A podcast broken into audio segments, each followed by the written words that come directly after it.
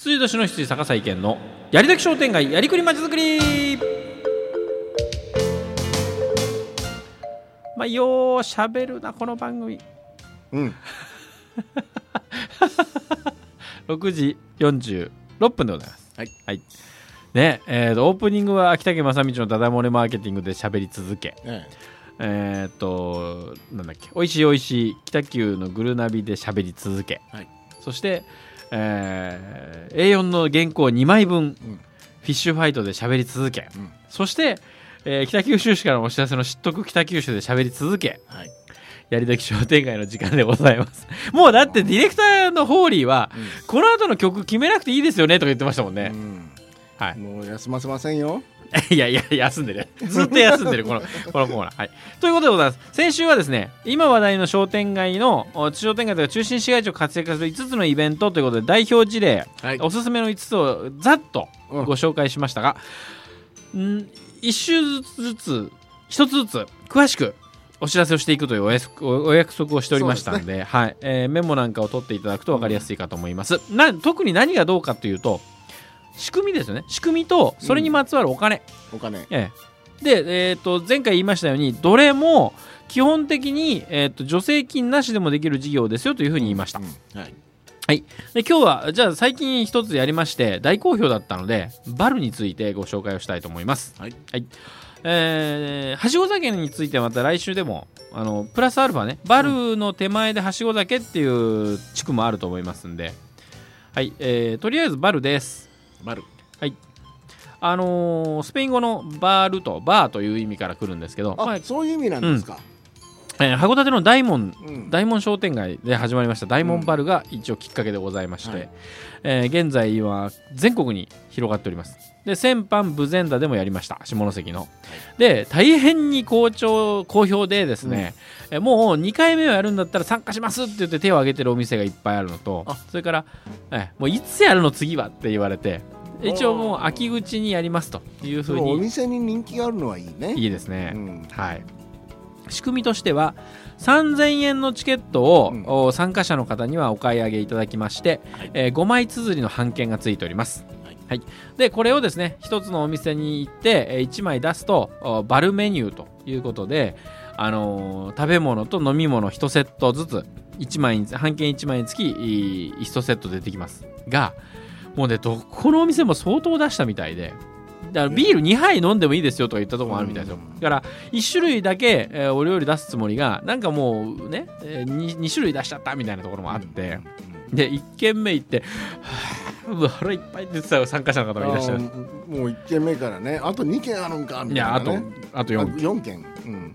はい、ということでですね、えーまあ、そうやって皆さん、えーそれぞれのお店がそれぞれに自分のお店を宣伝したいとい。うことでやっていただきまして、で、えーですから、まあ、あ5枚のチケットを使い切れなかったらですね、えー、と翌日から1週間は、えー後バルということで1枚600円のチケットを金券として使えます。というシステム。これが嬉しいですよそうなんですね、はい。うんで、えー実行委員会はですねそのおバルのチケットを皆さんお店が回収したものをですね、1枚につき500円で引き取ります。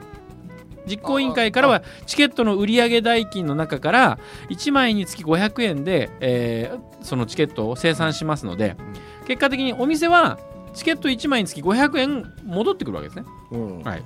だからそれをまあおもてなしとして皆さんにどんどん出してたことになるわけですけど、はいで、えー3000円のチケットで、えーね、あの5枚綴り3000円で売れているということは、まあ、1枚あたり600円計算ですね、うん。参加者の方にとっては、はい。はい。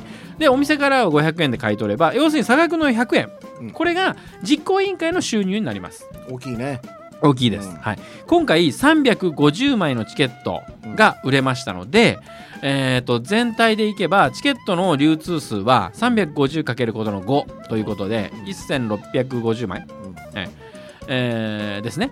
はい、ということは1650枚のチケットで1枚あたり100円儲かるわけですから儲かるという事務局費としていただくわけですからえー16万5000円がえー運営費に充てられるわけです。はい。はい、これでボランティアさんのお食事代、うんそれから、えー、とチラシ、えーチケットポスターなどの印刷代に十分当てられます。当てられますね。はい。これはいい仕組みですね。ですね。お店喜んでお店喜ぶ実行委員会も損はないお客さんも3000円で5店舗5店舗も回れるっていう感じで、はいしかも後でもいけなければ後でも使える。そうなんです。でマップにですね、うん。え今回やっぱ参加したお店もあマップってあんなに重要だったんだと。もっといいね、えー歌い文句を書けばよかったなとかいろいろ言ってらっしゃいましたけども、うん。もちろんそういうのでなぜかというとマップを見て皆さん決めますんでそこで行く店行かない店の差が出ます、うん。はい、正直なところ蓋を開けると30枚チケットが来たというお店と、うん。一番たくさん来たお店は160枚来ました。